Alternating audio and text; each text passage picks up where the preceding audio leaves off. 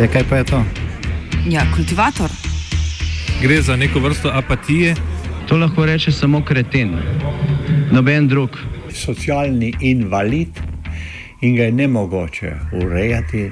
Drugi kandidat. Pa, pa pije, kadi, masturbira, vse kako hoče lahko počne. Nihče tega ne ve. Vsak petek skultiviramo dogodek tedna. Lahko po kriterijih radio študent, težko pa po evropskih kriterijih. Ampak na drug način, kot vi to mislite. Kultivator vedno užge. Da pač nekdo sploh omenja probleme, ki so, in da pravzaprav sploh nekdo sproži dogajanje uh, v družbi. To drži, drži. Jesenska otoplitev v Belorusiji.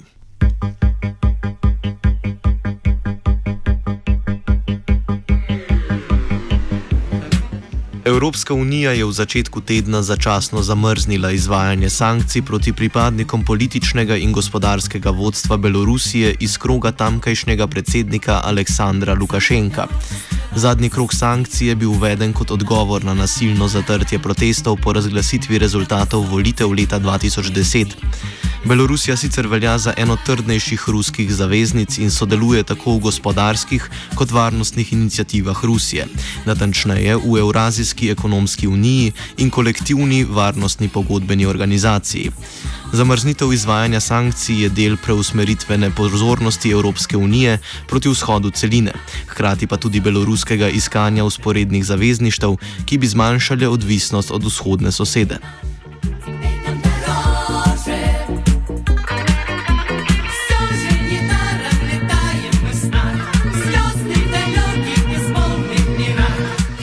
Evropska unija je zamrznitev izvajanja sankcij opravičila z dejstvom, da so bile nedavne volitve v Belorusiji, čeprav nedemokratične po evropskih standardih, izpeljane mirno in brez represije, ki je spremljala volitve leta 2010. Dejanska razlika med temi in prejšnjimi volitvami, kot trdi Vadzim Smok iz spletnega portala Belarus Digest, pa leži v skladnosti beloruske pozicije do konflikta v Ukrajini z evropsko. Uh, the major difference is the situation, the security situation in the region. Right uh, when Russia started its aggression and Belarus showed its uh, position, a quite, quite a big number of contacts uh, between Belarus officials and Western officials started. And many, many politicians from the West started to visit Belarus and talk to authorities, which never happened just two two years ago was completely fro- the relations were completely frozen, and now uh, uh, with the start of this conflict, uh, the the the bilateral visits and relations and agreements intensified quite significantly, and the EU and generally the West, the West uh, are now uh, well they agree on the domestic political regime in Belarus, let it be authoritarian, but the, they very much appreciate Belarus' uh, position on Ukraine and the Crimea, that Belarus does not support openly support Russian policies there. And for the West, it's more important to, to have this position of Belarus in place than they have some kind of democratic improvements, because security is always no the first in the first place. So that's why they simply uh, let Lukashenko conduct these elections at least with, without uh, violence and crackdown on opposition as it happened in 2010 so that is the minimum requirement. And uh, we should remember also that a month ago Lukashenko released all political prisoners which was also a a major uh, condition for for recognizing the elections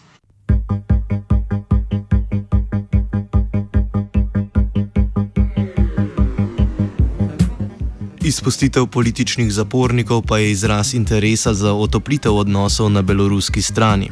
Ta interes pojasni Kiril Kasjan, urednik revije Belarus Review. Uh, being located among, uh, between two, let's say, centers of gravity, if you can call it like that, the EU and Russia, Belarus doesn't have to choose as much as uh, and as much as it could. It could impede this kind of ultimate choice in favor of, uh, let's say, um, uh, integration uh, with Russia, but still maintaining um, good and uh, effective contacts with the EU, which is actually uh, described at the website of uh, the Belarusian Ministry of Foreign Affairs. And uh, indeed, um, it makes no sense also for the current regime to make this ultimate choice because even though it is uh, very much uh, attached to uh, Russia in terms of uh, different uh, integration projects,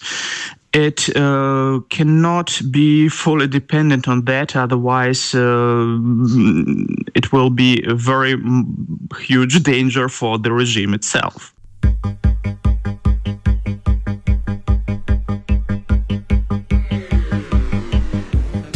Nevarnost odvisnosti od Rusije za politične režime v bivših sovjetskih republikah se je naprimer pokazala leta 2005 v Kirgizistanu, ko je tako imenovana revolucija tulipanov ob ruski podpori odnesla tamkajšnjega predsednika Askarja Akajeva.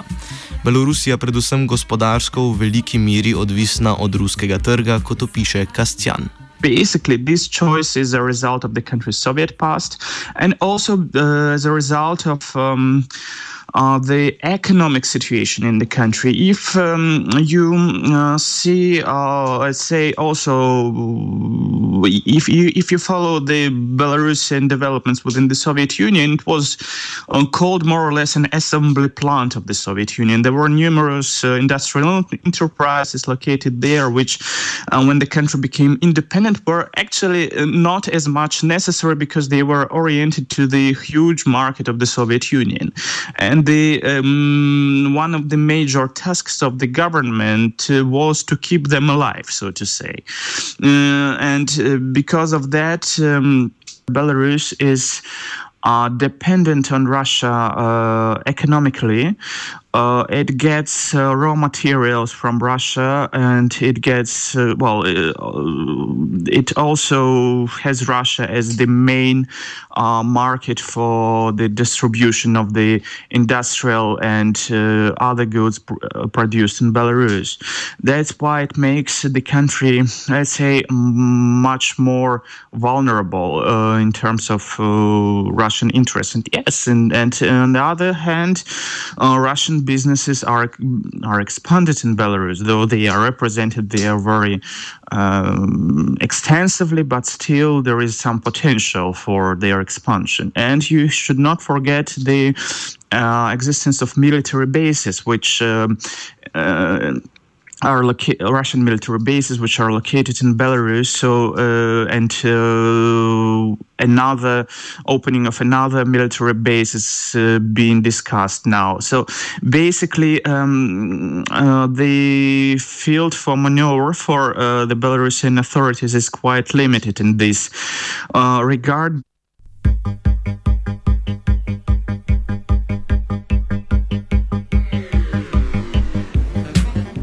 Državo je gospodarsko prizadel padec cen nafte, ki jo Belorusija rafinira in izvaža. Prav tako so nekateri sektori utrpeli škodo zaradi padca ruske kupne moči, gnanega zahodnimi sankcijami. Slednje pa so ponudile nove priložnosti drugim sektorjem. Grigori Jofe iz Univerze v Redfordu pojasni. Belarus was hit economically by uh, low oil prices because that lowers the price of refined oil products that Belarus uh, uh, exports to the West. As far as uh, sanctions, uh, as you know, uh, Russia imposed counter sanctions, counter sanctions in the food and agriculture area, and from that perspective, Belarus greatly benefited. Ex- you know, expanding its agricultural export to Russia and becoming actually a channel for. Um, uh, illicit exports of food from the European Union to to Russia. It just changes packaging, perhaps, in some cases.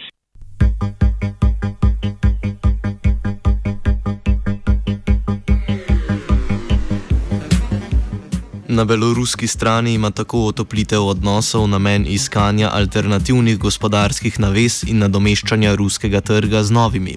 Razloži smog. For Lukashenko, uh, the economy and the fi finance is most important.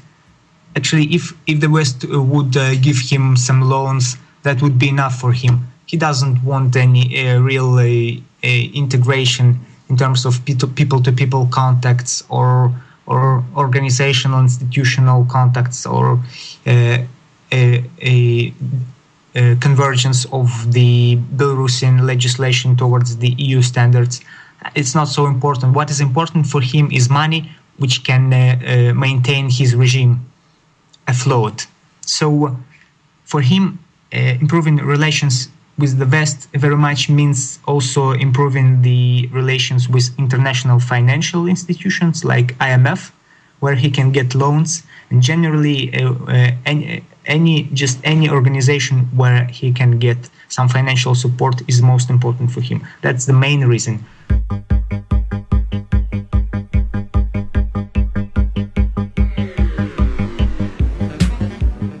Na evropski strani je približevanje Belorusiji predvsem odziv na dogajanje v Ukrajini. Kot meni Jofe, pa je postopna in manj agresivna narava približevanja tudi posledica lekcije, ki jo je Zahod dobil v Ukrajini. Uh, the, uh, the, the, the meaning of the thaw of this uh, rapprochement, if you will, or however you call it, uh, is just that uh, A, the previous policies of uh, sanctions and uh, ostracism haven't worked, and it has been clear for quite some time, and they would never work in this particular case. So basically, uh, for the centers of power in the West, the idea to destabilize Belarus by some kind of regime change or by instigating it uh, lost any attraction. Uh, on the contrary, they became interested in uh, maintaining ties uh, with that regime for very practical reasons. And they are not interested in Belarus being uh, swallowed by its powerful eastern neighbor. From the point of view of the European Union, Belarus represents a kind of a cushion, kind of a uh, what they call a limitrophe or uh, you know, I don't know another term from the geopolitical realm that separates the European Union from Russia. Uh, and uh, so Belarus, uh, the European Union is definitely interested in strengthening Belarusian statehood. Uh, the European Union probably understands now that uh, the uh, Western approach to Ukraine was perhaps too aggressive, and now uh, the resolution to the Ukrainian uh, problem is very difficult, and nobody wants to fund. You know, they have a hard time funding Greece. You know, how can they fund the country with, you know, 40 odd million people, which is in desperate shape as a result of, mm, in many ways, of the, you know, poorly thought through uh, approach uh, when they said either you are with us or with them. Uh, and essentially, it was a kind of a blackmail as one of the factors that led to the conflagration in Ukraine. So they don't want to repeat anything like this with Belarus.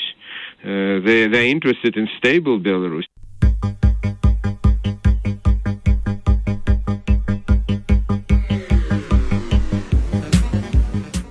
Evropska unija pri postopanju glede povezovanja z Belorusijo upošteva tudi trenutno nesimetričnost med stopnjo integracije države z Rusijo in tisto z Evropsko unijo. Kastjan najprej opiše povezave z Rusijo. Uh, in one case, uh, you see, uh, let's say, uh, Russia, which is ready to work here and now, uh, which um, actually leads uh, the post Soviet integration and which also engaged Belarus in various uh, spheres political, economic, and military as well. Uh, if you uh, can, uh, you can just uh, refer uh, to the collective treaty, um, collective security treaty organization, which, which Belarus is a member. So basically, in Belarus, you can also watch Russian TV, you can also read Russian media, you can also, let's say, go to Russia without any problem. You have to buy a ticket, and uh, that's it. It, it means that uh, Belarus is located within the Russian um, uh, political area of influence and also uh, say russian culture expands to this well, not exclusively to Belarus, but it, it has very uh, huge impact there. So basically, it's a real integration, and Russia is ready to work here and now and actually tests uh, the situation as much as it can. Na drugi strani pa je model integracije z Evropsko unijo precej šipkejši. As for the EU, you can say about more or less virtual integration. Why? Because, uh, first of all, uh, what kind of integration is that? If it is uh, the membership to the EU, well, Belarus has never been offered any uh, kind of, uh, let's say, time frame for that. Uh, if it is Eastern Partnership, which is now, um, let's say, the framework for Belarusian relations, where uh, does it end? That's the main question because uh, this is the initiative, which is it is described more or less as, as a process. That is why um, you can basically uh, see the problem, uh, which is. Um, also linked with people to people contacts, which uh, in case of Belarus are quite, um, let's say, uh, difficult because, um, well, in order to go to the EU, you have to apply for a visa, and this is the, um, let's say, most expensive one so far among the uh, countries of the Eastern Partnership. That, uh, to a certain extent, impedes the possibilities and the knowledge about the EU among Belarusians. That is why uh, the comparison between these two uh, integration projects is more or less like you compare a real situation and a virtual situation.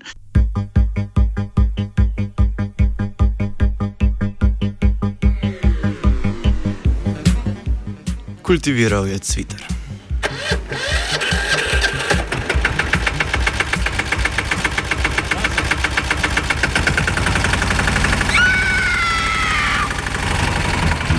E, kaj pa je to? Ja, kultivator. Gre za neko vrsto apatije. To lahko reče samo kreten, noben drug. Socialni invalid in ga je ne mogoče urejati. Drugi kandidat. Pa, pa pije, kadi, masturbira, vse kako hoče, lahko reče. Nihče tega ne ve. Vsak petek skultiviramo dogodek tedna. Lahko po kriterijih radio študent, težko pa po evropskih kriterijih. Ampak na drug način, kot vi to mislite. Kultivator vedno užge. Da pač nekdo sploh omenja probleme, ki so, in da pravzaprav sploh nekdo sproži dogajanje uh, v družbi. To drži, drži.